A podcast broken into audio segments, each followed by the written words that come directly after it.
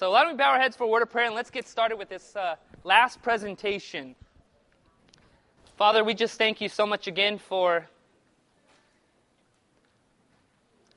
being so willing to share with us, Lord, the secrets of the universe.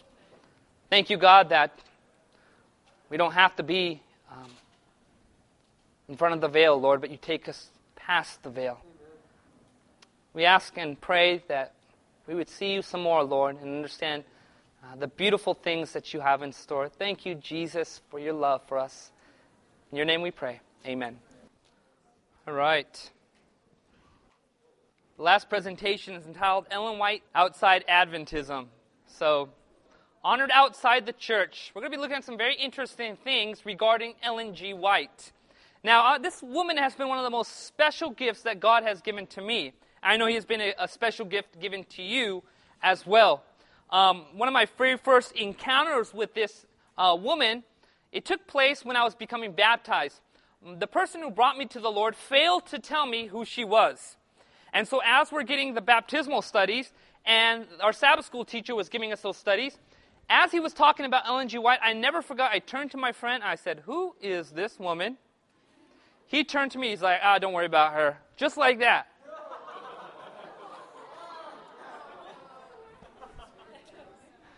But, you know, that brother's changed a lot. But he's a good man. He actually brought me to the Lord. But in the beginning, he has some um, issues with Ellen White. But as he continued to grow in the Lord, he became very convicted about her writings. When I became a baptized Adventist, you know, I, I did, as I said before, I came from Hinduism. And Hinduism teaches pantheism, the idea that God is in everything. He's in the rocks, He's in the trees. I grew up coloring pictures of God, uh, a picture of a tree, and the caption saying, God's in the tree. I grew up uh, coloring pictures of the forest, and the caption would say, God's in the forest. Not that God created the forest, but that God Himself is in the forest in actuality. And so this is the idea of pantheism. After I became baptized, um, one of the very first things I actually read in the writings of Ellen White was uh, volume chapter 9, where she actually deals with the subject of pantheism. She's writing to Harvey Kellogg, and she addresses the, the issue of pantheism with such clarity, it helped me to understand some things about God that I previously did not understand. So I praise God for those writings. When I was about to leave for school to go up uh, an Adventist school up north, I never forgot one of the church ladies, sweet church ladies, she came to me and she says this.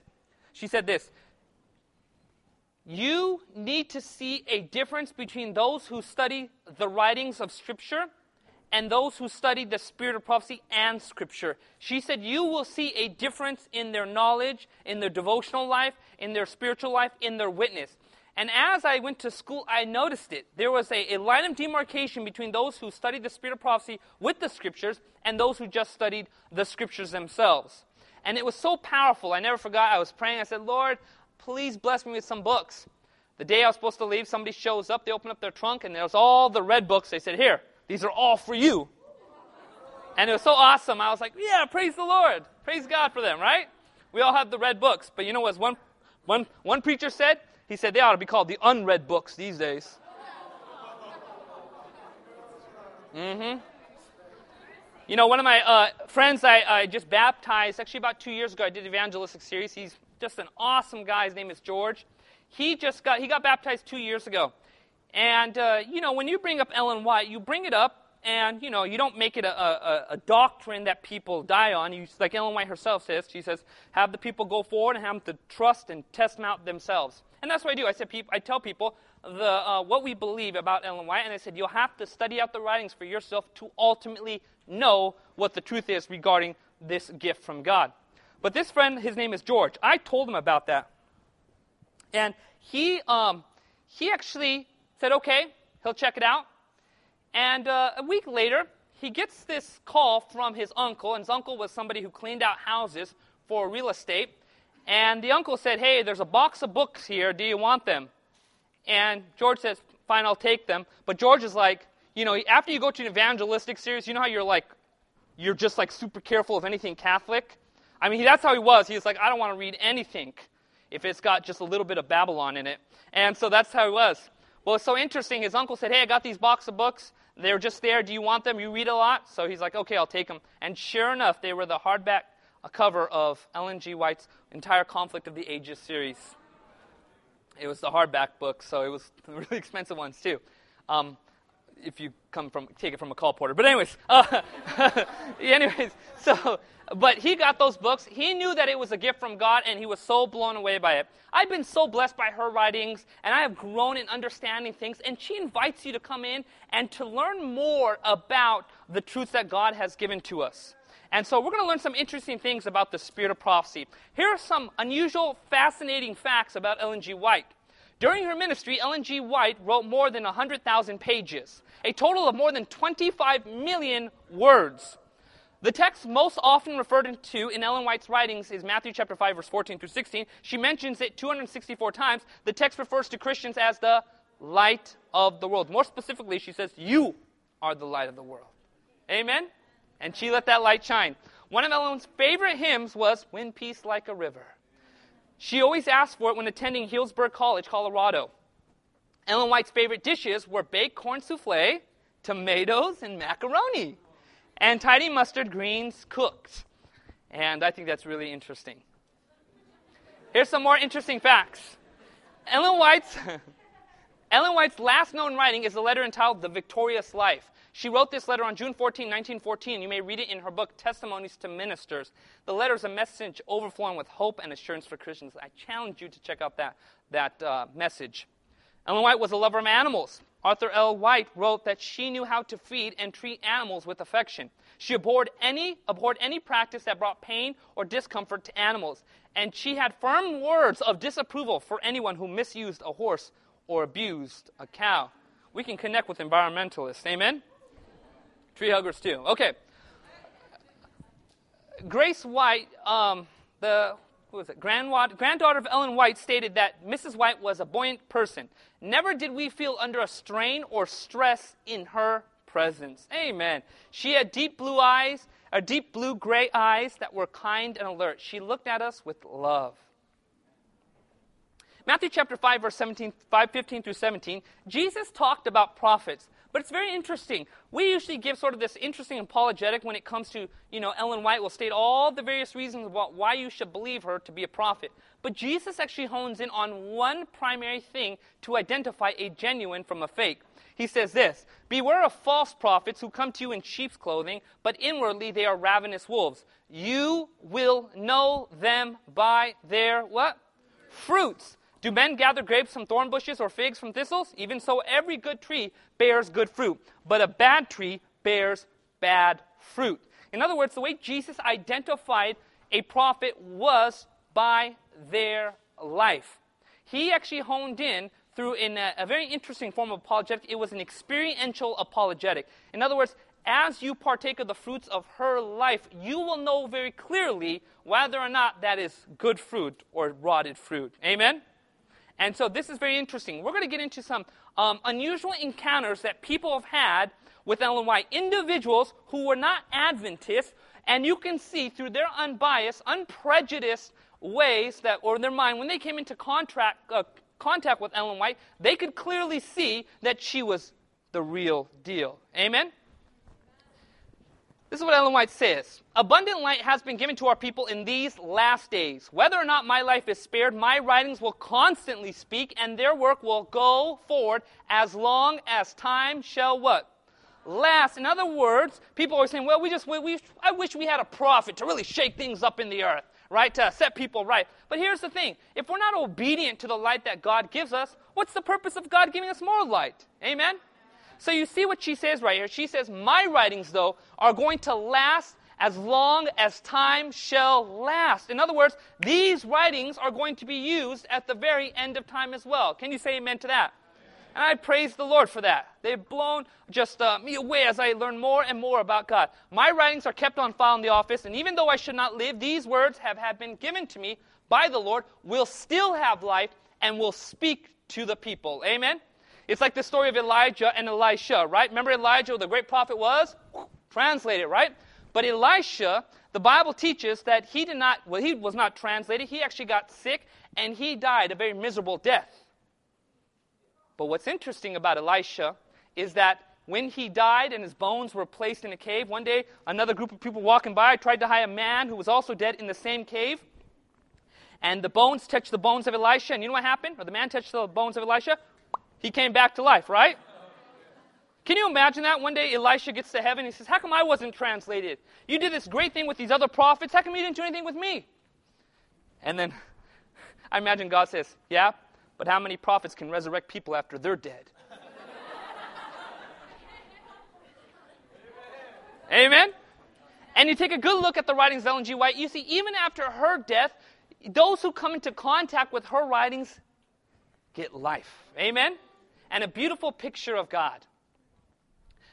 You see those writings that are abundant and they're there for us? We need to start taking advantage of them and start reading them. One of the things I want to challenge you to do is in this very next year is to finish every one of her books that she has written. No, I'm just kidding. But you know,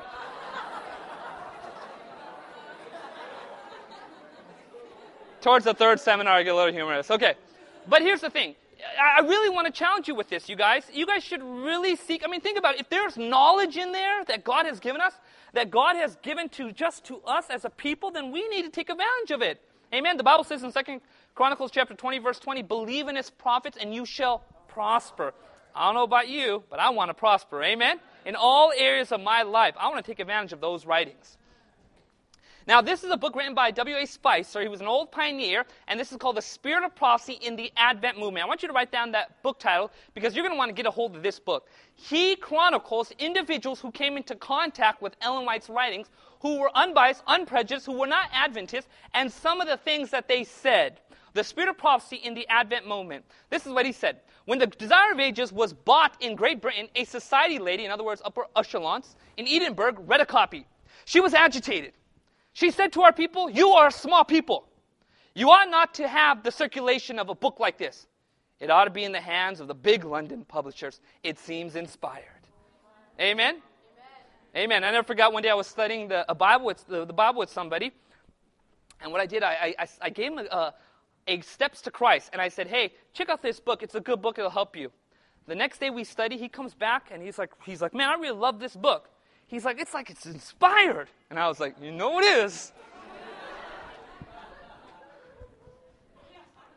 In one of the large cities, a man was looking over books in the secondhand stores. He asked for the religious books and was directed to a miscellaneous assortment in the back of the book, in the back of the store. He remarked to the proprietor that he saw none in which he was interested. Being asked which author he preferred, he said, Mrs. E. G. White.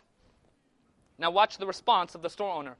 Oh, said the proprietor, that's different. Her writings are not classed with, with those books back there at all. We have them here in the front with the Bible. They are in a class by themselves.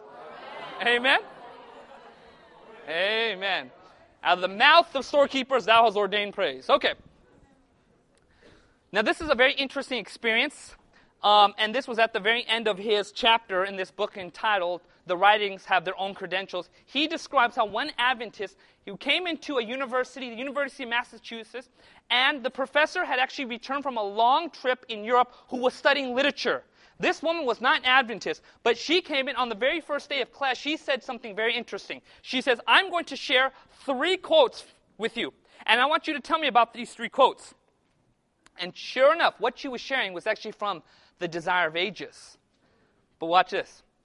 Well, class, that is from the pen of Ellen White.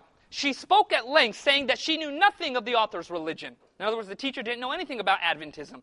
But she felt able to declare herself as to the literature and said it was a pity that those writings were not better known in the literary world.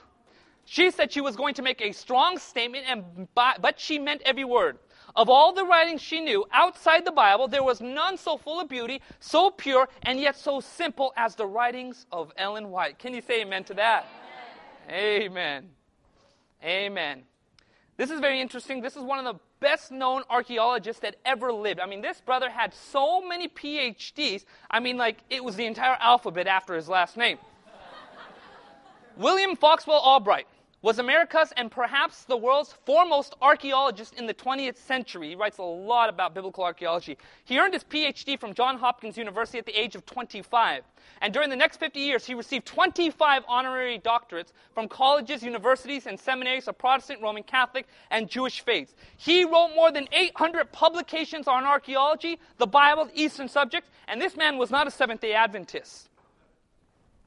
In the 1950s, one of his doctrinal candidates uh, at Johns Hopkins, the late Alger Johns, introduced Albright to Ellen White's writings. His curiosity piqued. The famous archaeologist undertook his own investigation of the life, work, and claims of Ellen White, and in his book From Stone Age to Christianity, Albright named Mrs. White as one of the five individuals of whom he considered to be authentic prophets during the past 250 years. Can he say amen to that? Amen. The writings have their own credentials. Amen?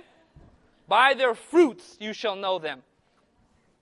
One of my pa- one of my friends who's a pastor up in Yuba City before the uh, he was actually an Indian pastor who was working in Yuba City. He said that he went to a Pentecostal convention and he saw the most remarkable thing take place. Apparently, one of the leaders and speakers of this Pentecostal convention, this took place a few years ago, stood up and he began to talk about different religions and different faiths. He then talked about Adventism, and you know what he said in front of all those Pentecostals? And he said, Those Adventists, they have a real prophet too.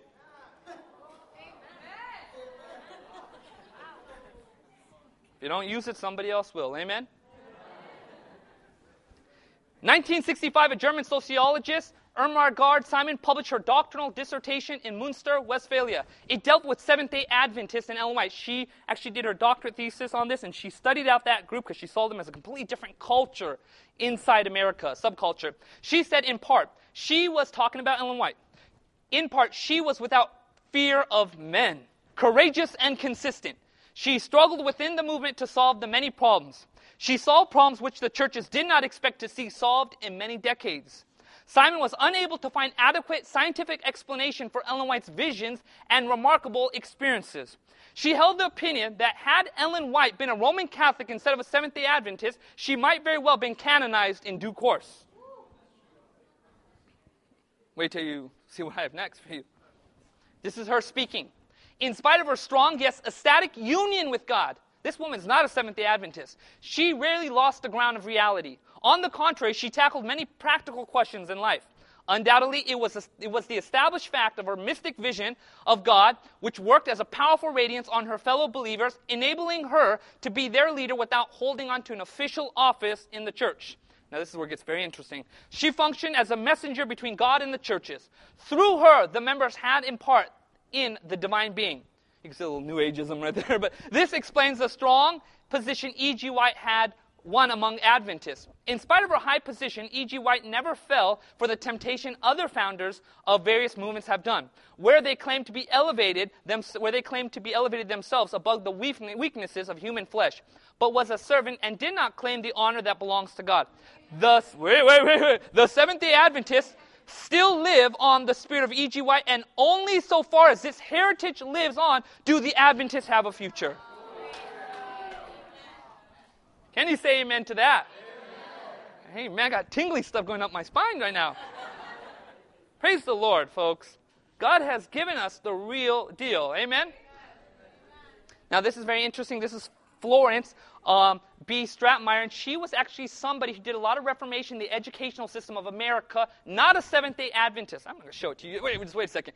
Not a Seventh day Adventist, but she did a lot to reform the educational system, designing curriculums during the 1950s and 1960s. This woman is well known in the educational world.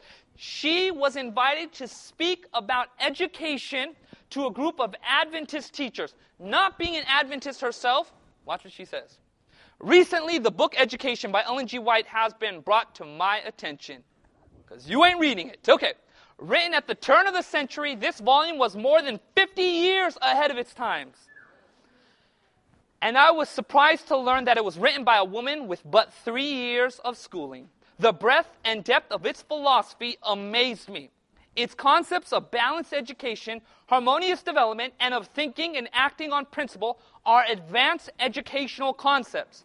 The objective of restoring in man the image of God, the teaching of parental responsibility, and the emphasis on self control in the child are ideals that the world desperately needs. Can you say amen to that? But she ain't done yet.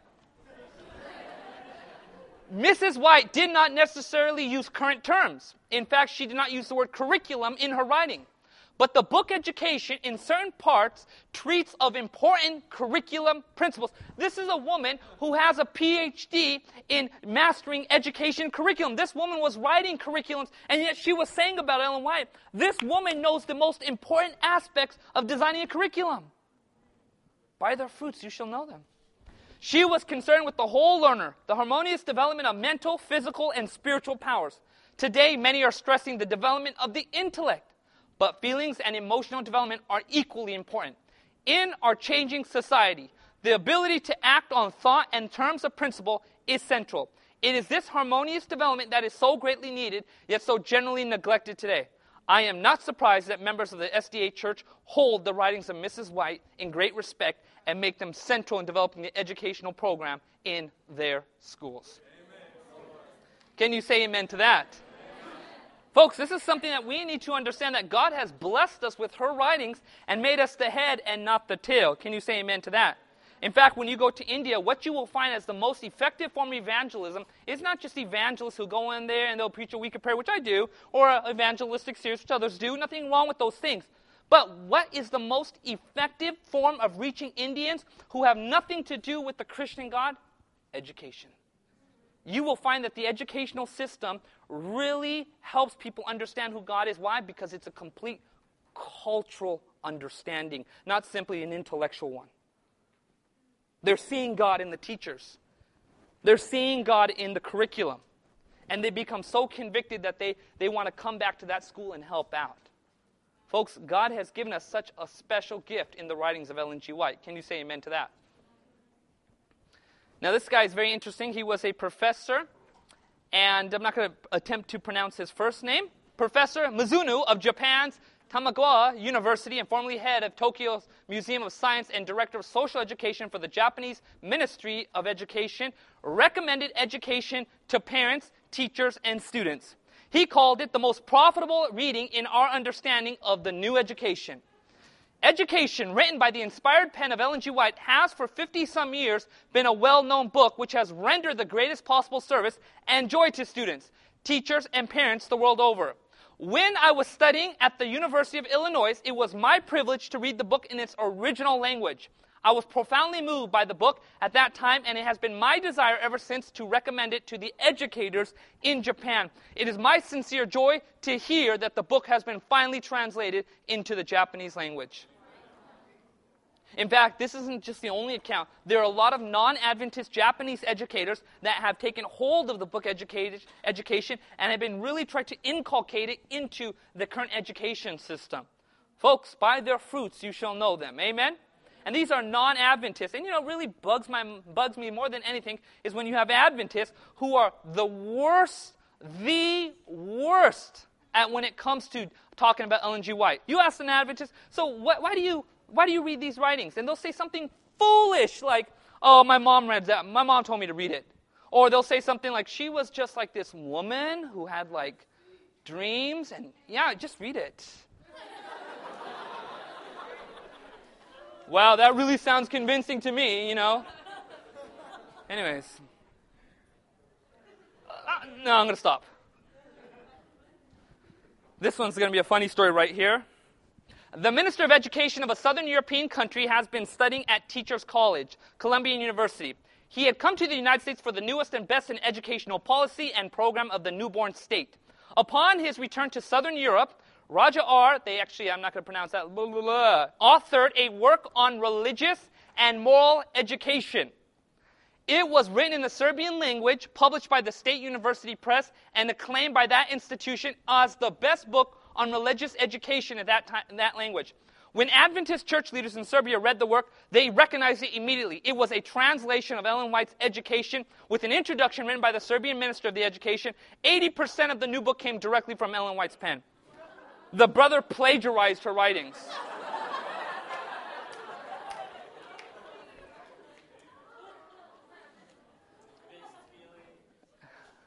He plagiarized her writings. Now you think to yourself, wait a second, is that good? Is that bad? Here's the thing. If you take the credit for yourself, ultimately in the end, it's bad. If you give God the credit, that's where it goes. You know, when I sometimes, uh, you know, uh, when I was working in Arroyo Grande as a youth pastor many moons ago, I would sometimes visit these Sunday schools, and you know, just to try to answer questions, you know, things like that.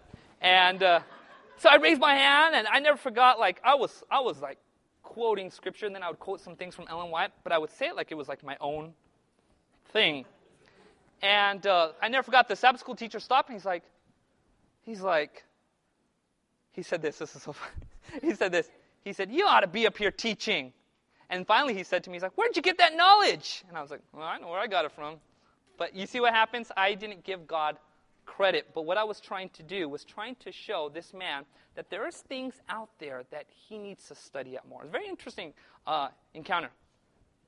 Paul Harvey, very interesting man right here. Who knows who Paul Harvey is? He's quoted in every evangelistic series, right? This man never became an Adventist. Some claim that he became an Adventist. Him and his wife actually went to Adventist church for a number of years, but they themselves actually never became baptized Adventists. I read the, the letter from the pastor of that church that actually talked about them. But this individual came across her writings, fell in love with her writings, and this is what he wrote.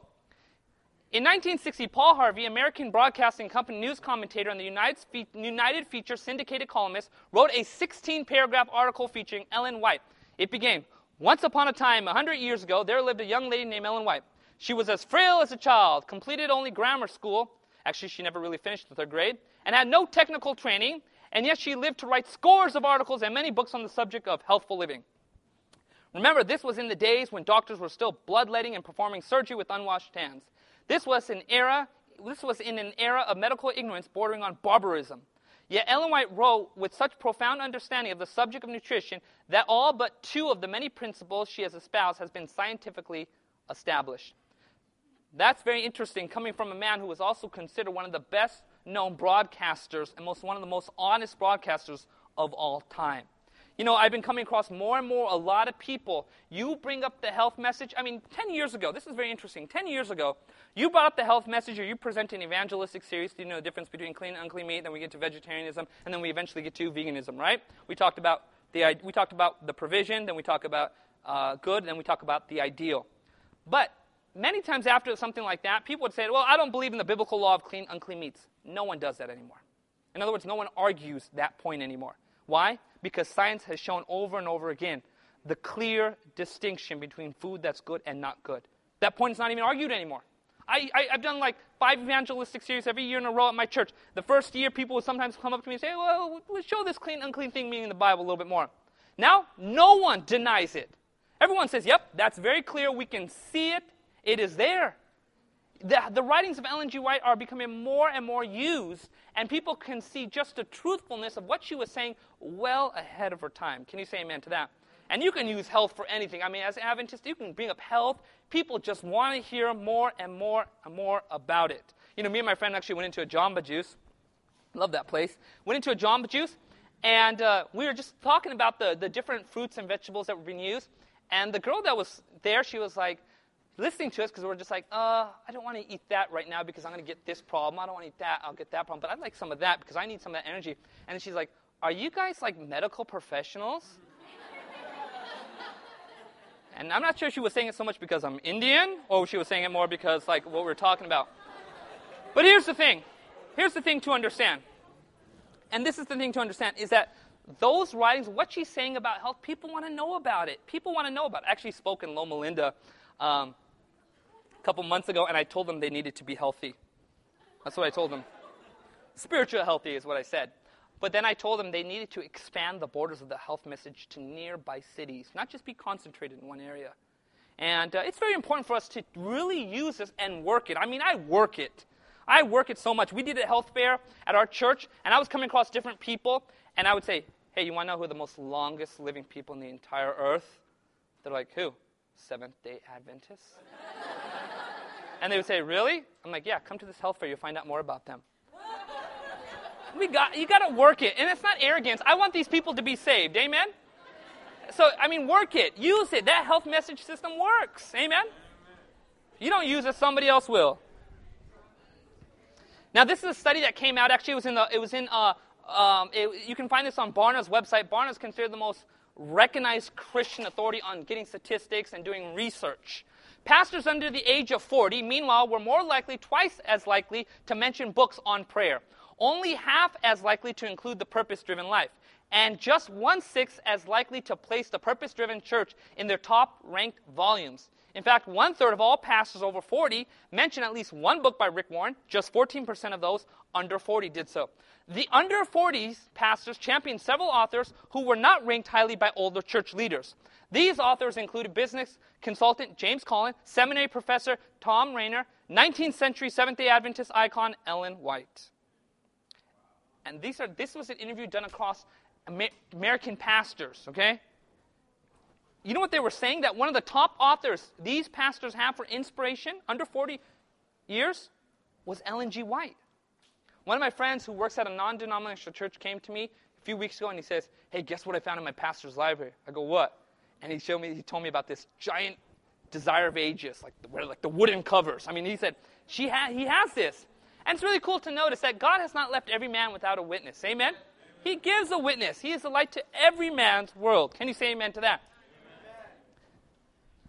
This was uh, somebody, an editor, who wrote in the Toledo, who was based, it was basically the newspaper, the Toledo Blade. It was the newspaper at that time. And this the editor was not an Adventist, but this was at the time of her death. He wrote this Mrs. White early manifested some of the gifts of prophecy. With the formation of the Church of the Seventh day Adventists, she immediately developed an influence, and that influence was maintained to her to the hour of her death, a period of 70 years. Besides unusual talents as a preacher, she had organizational and administrative powers. These were all given to her church. It prospered and grew until it, was, until it has spread through many lands. Universities were founded, medical schools, hospitals, and schools for teachers and missionaries. Mrs. White, Mrs. White was a remarkable woman. She has, had she lived in an, an, earlier period of the career of Christianity and escaped the bigots and the fire, she would have most surely been canonized. We heard that before. She was of the flesh of which saints are made. He pontificates at the end. But it's so interesting to see something. You have people who were not Adventists, yet were testifying to the truthfulness and just the, her life, how legitimate it was in really representing Christ. Can you say amen to that? It was so interesting. I had this uh, uh, uh, unusual encounter. I was actually, this guy that I've been studying the Bible with, I mean, he's just very difficult to deal with. I mean, just difficult. Like, I mean, I, I really appealed to him. You know, I just kept peeling day after every time we Bible studies, peel. I I just laid on heavy and thick, where it's just like almost borderline, borderline eternal hellfire, but not like that. But I mean, I was just laying out thick on him. Anyways, I could not get anywhere with that guy. One day I gave him a, a, a book to read, and I, this was several weeks later. And he calls me up out of the blue. He says, he says, Pastor, can I come in? And I'm like, yeah. And he comes in, and he just like marches in. And he just sits down on the chair, and he says, I want to be baptized. I go, why do you want to be baptized? And he said, that book you gave me, written by that guy, it just really spoke to me. I want to get baptized. And I was like, what's he pointing to? And he was pointing to the steps to Christ had given him. But he was calling Ellen White a guy, though. he was like, he was like, that guy. I guess he thought maybe it was Edgar G. White, not Ellen G. White. But either way, here's something to understand. I mean, I preached my heart out to this brother and it won't work. As soon as the Holy Spirit convicted him in his time alone with those writings, he came forward and he says, I want to be baptized. Can you say amen to that? Ah, the Lord does the work. Amen? The Lord does the work. Now, this is a very interesting story. You can actually find the story still on YouTube and uh, just type in Alfred Lee Painter. And this is a very interesting encounter that he had. He's interviewing Danny Shelton, so he's interviewing with Danny Shelton, so you can see that there. But basically, what takes place is that he was up at Weimar College, uh, and uh, he was getting some treatment there. He's a well known painter, and he was painting that picture right there. And uh, some of the one individual was there. He was a rabbi by the name of Rabbi Joe Kagan, and Joe Kagan was actually used to work for um, the uh, cabinet for Ronald Reagan. He was a well-known rabbi, and he helped uh, helped the you know president understand more about the Jewish culture, and he was liaison between him, between the president, and with a lot of Jews in America. He understood Hebrew. He had doctorates in Hebrew. This man was a well-known scholar, and he got sick, and he went to Weimar. He, um, Alfred Lee was talking to him one day and getting some descriptions about the Old Testament so he can put, make them in his painting. And Joe Kagan helped him out with that, but he really despised Christians. And the reason why he despised Christians is because his mother was raped. Well, you say, well, what's the, what, how does that connect with uh, despising Christians? His mother was raped while a Catholic priest with the cross stood over her and said, You deserve this. And so he utterly hated Christians, despised the God of the Bible, really had no taste for Jesus whatsoever. I mean, he was just really, just completely just angry towards the New Testament concepts that are there. Well, he gets sick, ends up going to Weimar, and Alfred Lee starts talking with him. And uh, as he's there, Joe, in his spare time there, discovers a book, Patriarchs and Prophets. And he starts reading it. And he comes to Alfred Lee and he says, Who wrote this book? Alfred Lee says, Well, it was written by, you know, this woman who is one of the founders of the Seventh day Adventist Church. And then he says, Did this woman know Hebrew? Alfred said, No, she only has a third grade education. He said, The rhythm, the symmetry, and the meter, it's as if it was translated from Hebrew into English. And he says, This woman must know Hebrew. And he's like, No, she doesn't know Hebrew. And then the next thing he said was, he was so blown away with, he said, Where did she get this knowledge? Because what she's writing in the Old Testament is from the Mishnah, which was basically a commentary that many Jewish scholars were putting together, and it wasn't released until 30 years later to the world. And he says, What she is writing comes straight out of the Mishnah. How did she get this knowledge? And so Alfred Lee began to explain to him about that and explain to him about Jesus and about the end time church. This man, Joe Kagan, was baptized in the river uh, in, in Sacramento. And he even said at his baptism, I am now a complete Jew.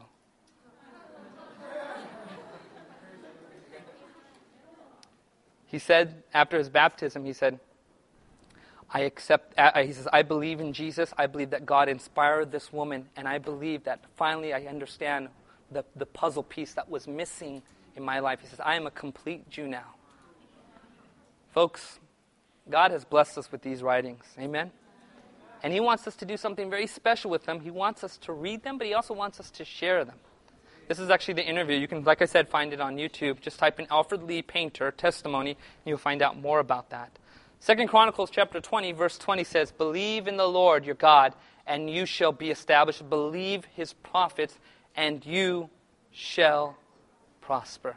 God wants you to prosper. Amen? And He has given this special gift. And the more you read it, the more you begin to understand more about God's plan, His character, and His will for your life. Amen? Let's bow our heads for a word of prayer. Father in heaven, we thank you so much again for the many ways you have blessed us. And Lord, thank you so much for the gift of Ellen G. White and her prophetic ministry, Lord. And I can't wait to get to see her in heaven and give her a big hug. Lord, thank you, God, that our works, even after the time we pass away, still carry on. Lord, continue to work a special work in us, Lord, that if we are gone before your second coming, that we will still be a light to this world some way. Thank you, Jesus, for share In Jesus' name, amen. This media was brought to you by Audioverse, a website dedicated to spreading God's Word through free sermon audio and much more. If you would like to know more about Audioverse, or if you would like to listen to more sermons, please visit www.audioverse.org.